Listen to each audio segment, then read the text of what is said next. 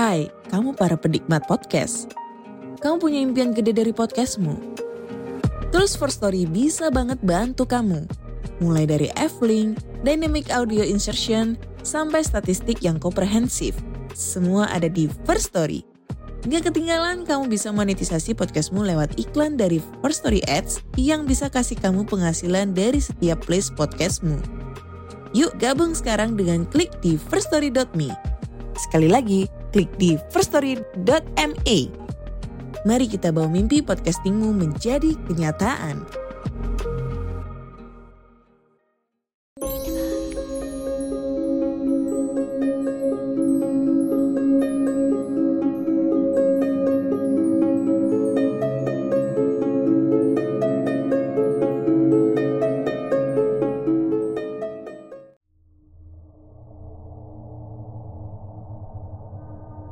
Selamat datang dan selamat malam. Kembali lagi saya Denny Narator dari Rumah Horor Indonesia. Semoga Sobat RI semuanya dalam keadaan yang sehat dan berbahagia. Pada malam hari ini saya akan membawakan beberapa cerita horor. Di antaranya ada Sosok hantu yang penampilannya sama sekali tidak menyeramkan. Penasaran kan? Langsung saja kita simak sebuah cerita Yang ditulis oleh AB Saya percaya hantu itu ada Seumur hidup Setidaknya saya pernah sekali berjumpa dengan entitas yang disebut hantu. Hanya saja, wujudnya tidak seseram penampakan di film atau televisi. Setidaknya berdasarkan pengalaman dua kali pernah bertemu hantu. Wujudnya tidak seperti kuntilanak, pocong, gendruwo, atau bentuk seram lainnya. Hantu yang saya jumpai, wujudnya benar-benar seperti manusia, tapi perilakunya agak ganjil. Ketika bertemu, tidak ada sedikit pun perasaan takut. Bukan karena saya pemberani. Percayalah, saya orang yang sangat penakut. Namun ketika saya bertemu hantu tersebut, yang saya lihat benar-benar manusia. Dari mana saya yakin yang saya lihat hantu? Karena ia muncul di tempat tak biasa dan tingkahnya aneh. Kebetulan hantu yang saya temui adalah hantu anak kecil berjenis kelamin perempuan dengan usia sekitar 7 sampai 10 tahun. Pengalaman pertama adalah tahun 93. Waktu saya masih duduk di kelas 3 SD. Saya tinggal di sebuah desa di pedalaman Kalimantan. Layaknya desa-desa lainnya, desa di Kalimantan berada di pinggiran sungai. Dan sudah menjadi hal umum, penunjuk arah di Kalimantan berpatokan pada hulu, hilir, atas atau darat, dan bawah. Kebetulan rumahku berada di daerah hulu kampung. Dan kalau belajar mengaji Harus di masjid di hilir kampung. Karena waktu itu Masjid memang hanya ada satu Dan terletak di wilayah hilir. Di tengah kampung ada rumah kosong yang sudah lama ditinggalkan pemiliknya. Layaknya rumah kosong lainnya Rumah kosong ini juga lambat laun menjadi rumah angker. Waktu itu selepas sholat isya Aku dan dua orang kawan lainnya pulang berjalan kaki ke arah hulu. Sebut saja nama kawanku ini Rudi dan Arman. Rumah kami bertiga memang di bagian hulu kampung. Zaman segitu kampung kami masih sepi. Tidak ada listrik dan rumah penduduk jaraknya berjauhan. Jarak tempuh berjalan kaki sekitar 30 menit. Kami berjalan menggunakan satu senter milik Arman melewati hutan belantara yang lebat. Namanya anak kecil, pastilah suka bercanda. Kami bersenda gurau sepanjang jalan pulang. Tidak terpikirkan rasa takut akan hantu atau makhluk halus saat itu. Apalagi kami sudah terbiasa. Padahal kami pulang menyusuri jalan yang sepi. Tidak ada penerangan jalan, hanya mengandalkan cahaya senter yang menjadi satu-satunya penunjuk jalan. Selama kami berjalan, selalu diiringi suara jangkrik burung hantu dan binatang malam yang lainnya. Hal ganjil kemudian terjadi ketika kami di depan rumah kosong. Di halaman rumahnya yang penuh belukar, ada seorang gadis kecil seusia kami yang berdiri. Gadis itu memakai semacam baju tidur warna ungu dan rambut sebahu.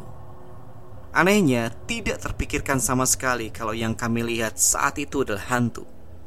Hantu yang ada di pikiran kami berupa kuntilanak, pocong, dan sebagainya. Sedangkan yang ada di depan kami benar-benar gadis kecil seusia kami saat itu. Gadis kecil itu lantas mendekati kami dengan cara yang aneh. Ia berjalan miring seperti kepiting. Waktu itu kami tidak berpikir kalau cara jalan yang tidak biasa adalah cara jalan hantu. Begitu tiba di depan kami, gadis kecil itu lagi-lagi bertingkah aneh. Ia minta duit. Bener, saya nggak bohong. Ia minta duit. Mana ada hantu minta duit? Membuat kami yakin kalau dia adalah manusia.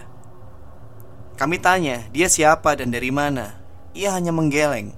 Sedangkan tangannya terus menjulur, memaksa minta duit. Aku memberinya 50 rupiah dan Arman 100 rupiah. Sedangkan Rudi tidak punya uang. Setelah memberi uang, kami kembali berjalan dan meninggalkan gadis kecil itu. Baru beberapa langkah, kami bertiga berdebat. Jangan-jangan yang kami lihat adalah hantu. Guna memastikan, kami akhirnya menoleh ke belakang. Rupanya gadis kecil itu masih di situ, melambaikan tangan. Kami bertiga juga membalas lambaiannya seraya tersenyum. Namun, seketika kami tercekat dan jantung rasanya hampir lepas. Gadis kecil itu melambaikan tangan membelakangi kami, sedangkan kepalanya berputar 180 derajat. Ia menyaringnya lebar hingga bibirnya robek sampai telinga. Seketika kami terbirit, berlari sekencang-kencangnya sembari berteriak meminta tolong. Keesokan pagi, Rudi tidak masuk sekolah karena sakit demam. Setelah dua minggu, Rudi akhirnya meninggal dunia karena demam panas yang tak terobati. Aku tidak tahu apakah sakitnya Rudi berhubungan dengan hantu anak kecil tadi. Namun sejak saat itu, aku tidak pernah lagi bertemu hantu. Hanya sekali itu saja, dan jangan lagi. Terima kasih sudah membaca pengalaman saya. Kita langsung lanjut ke cerita yang kedua yang ditulis oleh ZS. Keinginan melihat hantu sudah saya canangkan sejak saya akil balik. Sampai saya bela-belain nungguin tiga hari tiga malam di sebuah pohon Yang kata guru saya Ada kuntilanak cantik Dan tidak ketemu juga. Nah Keinginan itu terpenuhi ketika saya sudah menginjak kuliah tahun terakhir Sekitar tahun 98 Jadian di rumah kos di Cisitu Lama, Bandung. Saya sedang menonton TV Jam 2 malam tiba-tiba ada sesosok makhluk Tembus pandang Memakai jaket kulit seperti mafia itu. Topi laken Itu loh topi yang mirip koboi gitu ya. Dan mengajak saya salaman Badannya seperti halomen Tembus pandang Tapi saya bisa merasakan dingin tangannya ketika menyalami saya Kedua, saya sudah berumah tangga dan beranak. Kejadiannya di rumah saya di Ciledug, Tangerang. Sama saya sedang nonton TV. Muka saya didudukin oleh sesosok makhluk hitam kelam berekor runcing berjenis betina. Refleks saya baca-bacain doa karena pantatnya dudukin muka saya. Eh, itu makhluk malah menyeringnya ke saya sambil memandang mengejek. Seakan-akan kagak mempan sama doa-doa saya. Yang kemudian membuat saya mendidih adalah secara perlahan Mukanya dimirip-miripkan seperti muka istri saya Seperti bermetamorfosis Sontak rasa kaget dan takut saya berubah menjadi amarah Keluarlah segala macam cacian dari mulut saya Sambil entah dari mana datangnya kekuatan itu Saya kemudian berantem secara fisik dengan makhluk terkutuk itu. Dan akhirnya saya menang dan dia menghilang. Yang ketiga Locus Delikti Sebuah hotel di samping Dago Golf Bandung. Saya iseng cari hotel di atas hutan Dago Karena bosan hotel di downtown.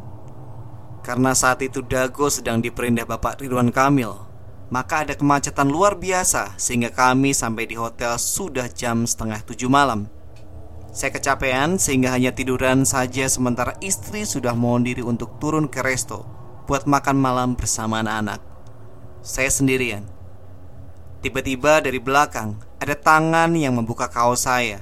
Saya merasa lancip kuku yang dingin menyentuh kulit punggung saya. Ini nih, ya Allah, semoga cakep.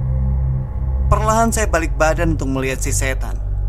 Tampak sesosok muka nenek-nenek dengan muka penuh kutil menjijikan, menutupi separuh mukanya dengan selimut putih hotel sambil senyum-senyum. Menjijikan, sialan. Oke, gue salat maghrib dah. Makasih udah mengingatkan.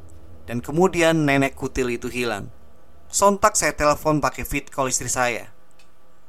Mah, ayah ada di situ nggak? Gimana? Ayah kan lagi fit call nih, jawab istri saya bingung. Alhamdulillah, berarti kagak ada jin bangsat yang meniru saya menemani istri saya di bawah. Karena saya pernah juga mengalami kejadian begitu. Yang keempat, beberapa bulan berlalu, suatu sore saya pulang gawe agak cepet. Biar bisa menghripan di masjid di rumah. Singkat kata, pas parkir gerobak di carport, saya tengok dong spion dalam buat kontrol parkir. Eh, tadinya nah, itu nenek kutil sudah duduk di kursi tengah sambil mesa-mesem menjijikkan. Nah untuk cerita ketiga ini anonim ya, jadi penulis tidak mau dicantumkan namanya. Ini adalah pengalaman pertama saya kena tindihan atau sleep paralysis, campur lucid dreaming, campur false awakening, semua dibabat dalam satu malam. Hal ini terjadi sudah lama sekali ketika saya masih kuliah semester 1. Banyak yang bilang kalau sleep paralysis terjadi karena kita terlalu lelah. Mungkin itu pula yang saya alami. Saya pernah mengalami sleep paralysis terparah untuk pertama kalinya. Saya baru saja berberes kebutuhan ospek kuliah. Saya juga baru pindahan kos. Badan saya capek dan ingin cepat-cepat tidur. Ketika saya sudah tertidur, tiba-tiba saya terbangun saya melihat ada sesosok nenek tua yang sedang melihat ke arah saya. Karena kepercayaan saya adalah Kristen, saya langsung nyebut dalam hati, "Dalam nama Yesus." Setelah bicara dalam hati, saya juga ingin teriak dalam nama Yesus. Tapi tenggorokan saya seperti kering dan sulit sekali mengeluarkan suara. Saya langsung panik dan tidak tahu harus apa. Saya bingung dan semakin ketakutan karena nenek itu tersenyum dan menjulurkan lidahnya. Badan nenek itu juga semakin membesar dan kepalanya kini sudah mencapai langit-langit kamar kosan. Saya melihat kiri kanan dan melirik karena keadaan yang tidak memungkinkan untuk menggerakkan kepala dan badan. Saya ketakutan dan tidak bisa berbuat apa-apa karena badan saya kaku dan sama sekali tidak bisa bergerak. Lalu saya memejamkan mata sebentar dan terbangun. Ketika saya terbangun, saya ingin mencuci muka dan tidur lagi. Tapi ketika sedang mencuci muka, saya tersadar kalau saya belum bangun. Pikiran saya seperti berkata, "Bangun, Noni, bangun." Jadilah saya bangun beneran sekarang. Karena sudah bangun beneran, saya mencoba melihat tangan saya. Benar atau tidak kalau itu tangan saya? Ternyata benar dan saya menuju toilet. Tapi saat saya berjalan, rasanya berat sekali. Saya jadi ragu, saya udah bangun atau belum sih? Lagi-lagi ternyata saya belum terbangun. Akhirnya saya coba kembali untuk bangun.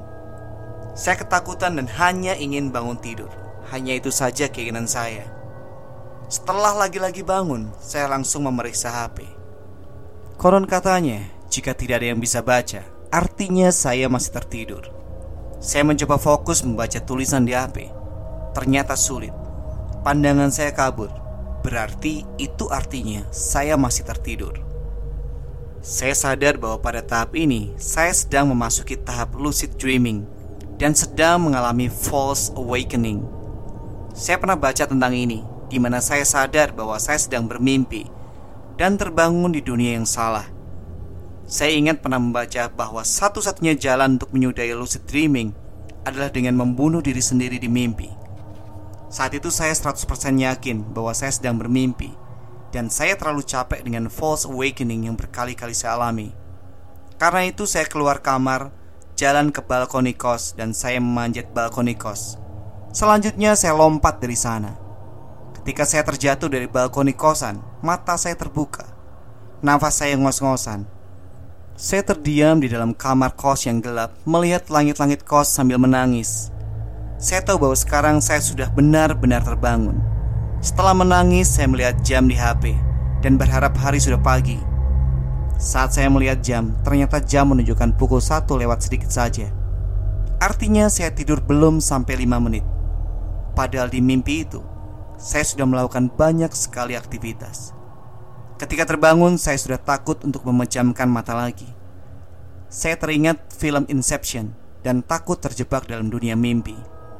Saya bangun telepon pacar dan minta ditemenin sampai pagi. Sampai beberapa jam baru saya ketiduran sendiri. Cerita berikutnya masih ditulis oleh akun anonim ya. Saya masih merinding jika mengingat cerita ini. Kejadian ini bukan saya yang mengalami. Tepatnya mungkin setahun yang lalu di tempat saya bekerja. Kebetulan malam itu keadaan di kantor sepi tidak seperti biasanya. Di malam biasa kantor saya sangat ramai dan banyak orang lalu lalang karena jam operasi yang 24 jam. Seorang supir sedang menunggu di dalam truknya sambil meminum kopi dan menghisap rokoknya. Tiba-tiba kaget dan pucat dan tidak bisa berkata-kata, berlari mendatangi saya dan teman-teman di sebuah ruangan area kantor. Sambil berteriak-teriak menggedor pintu, Pak supir masuk ke ruangan. Ditanya ada apa? Dia hanya duduk dengan nafas yang tersengal-sengal. Setelah tenang, kemudian dia bercerita.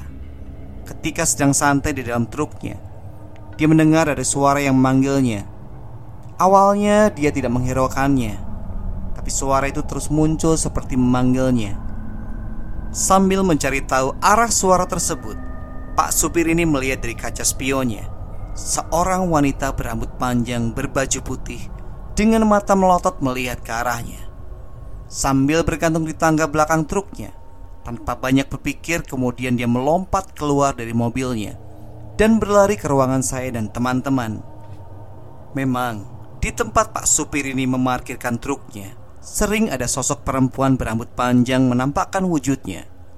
Pernah juga ada yang melihat wajah yang menempel di kaca kabin alat berat di kantor saya. Ada juga yang melihat sosok kuntilanak berbaju merah menuruni tangga di ruangan kantor. Semenjak banyak cerita-cerita itu, saya anti jika harus ke toilet pada tengah malam Dikarenakan jarak antara kamar tidur mes dan toiletnya yang lumayan jauh Lebih baik saya menyimpan botol minuman sedang untuk menampung sementara. Dan cerita terakhir di malam hari ini ditulis oleh CA Sebenarnya yang tidak bisa tidur semalaman itu ibu saya. Tahun 2012 saya dan orang tua tinggal di sebuah rumah kontrakan di daerah Jakarta Selatan. Kami memilih tinggal di sana karena jaraknya yang tidak terlalu jauh dengan sekolah saya, sehingga saya bisa menghemat ongkos dengan berjalan kaki. Layaknya rumah kontrakan pada umumnya yang memiliki tiga petak, saya tidur di ruangan paling depan. Jika buka pintu rumah langsung lihat kasur saya. Juga ada TV di sana. Orang tua saya berada di ruangan tengah dan ruangan terakhir untuk dapur dan kamar mandi. Ibu saya adalah orang yang sangat rajin sholat tahajud. Hari itu tiba tengah malam, ibu saya sudah siap untuk sholat tahajud. Beliau sholat tepat di samping saya dengan posisi kiblat menghadap ke arah TV. Saat beliau hendak rukuk di rakaat pertama, tiba-tiba saja TV kami menyala dan volume suaranya full sampai 100. Seketika itu juga, ibu saya langsung mengucap istighfar dan pergi ke dalam kamar. Ibu saya tidak menyelesaikan sholatnya. Anehnya, saya tidak mendengar apa pun. Hanya ibu saya yang mengalami ini. Saya diceritakan oleh ibu kami ketika kami sudah pindah dari rumah tersebut. Saya percaya bahwa apa yang diceritakan oleh ibu adalah benar, karena ibu saya bukan tipe orang yang suka bercanda, dan dia sama sekali bukan penikmat konten-konten horor. Oke, sobat RAI, sampai di sini dulu perjumpaan kita. Semoga kalian terhibur. Kalau kalian punya cerita horor atau pengalaman mistis, kirim saja ke denny.tristanto1104@gmail.com. Sampai jumpa di cerita berikutnya. Selamat malam, selamat beristirahat.